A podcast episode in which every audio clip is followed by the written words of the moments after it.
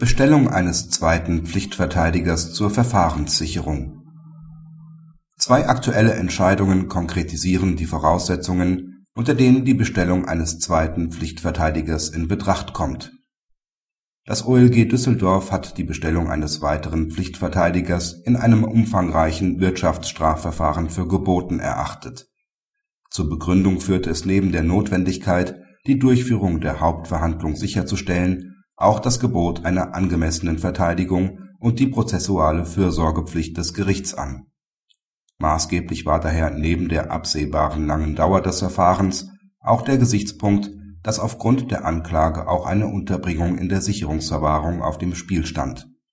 Das OLG Jena beschäftigte sich mit der Frage, welche Gesichtspunkte bei der Auswahl des weiteren Pflichtverteidigers zu berücksichtigen sind. Der Angeklagte hatte für ein in Gera stattfindendes Verfahren die Bestellung eines Verteidigers aus Westfalen als zweiten Pflichtverteidiger gewünscht.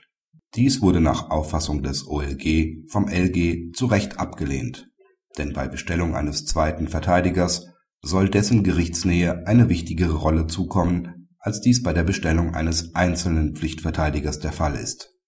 Zwar kommt auch hier dem Interesse des Angeklagten, von einem Anwalt seines Vertrauens verteidigt zu werden, eine wichtige Bedeutung zu wenn der Angeklagte aber bereits einen Pflichtverteidiger seiner Wahl erhalten hat, gewinnt im Rahmen der gebotenen Interessenabwägung die Gerichtsnähe auch deshalb wieder an Gewicht, weil bei einem gerichtsnahen Verteidiger keine Verzögerungen des Verfahrens durch witterungsbedingte oder sonstige Anreiseschwierigkeiten zu befürchten seien.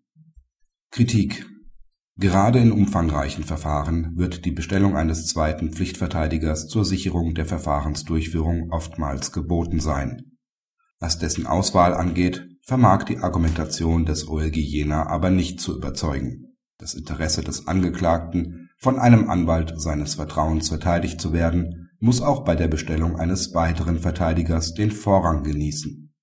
Denn wenn der zuerst bestellte Pflichtverteidiger ausfallen sollte, ist der Angeklagte allein auf seinen weiteren Verteidiger verwiesen.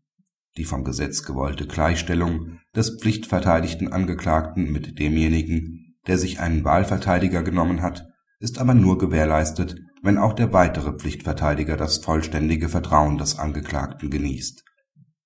Deshalb kann auch in diesem Fall die Gerichtsnähe nur ein nachrangiges Auswahlkriterium darstellen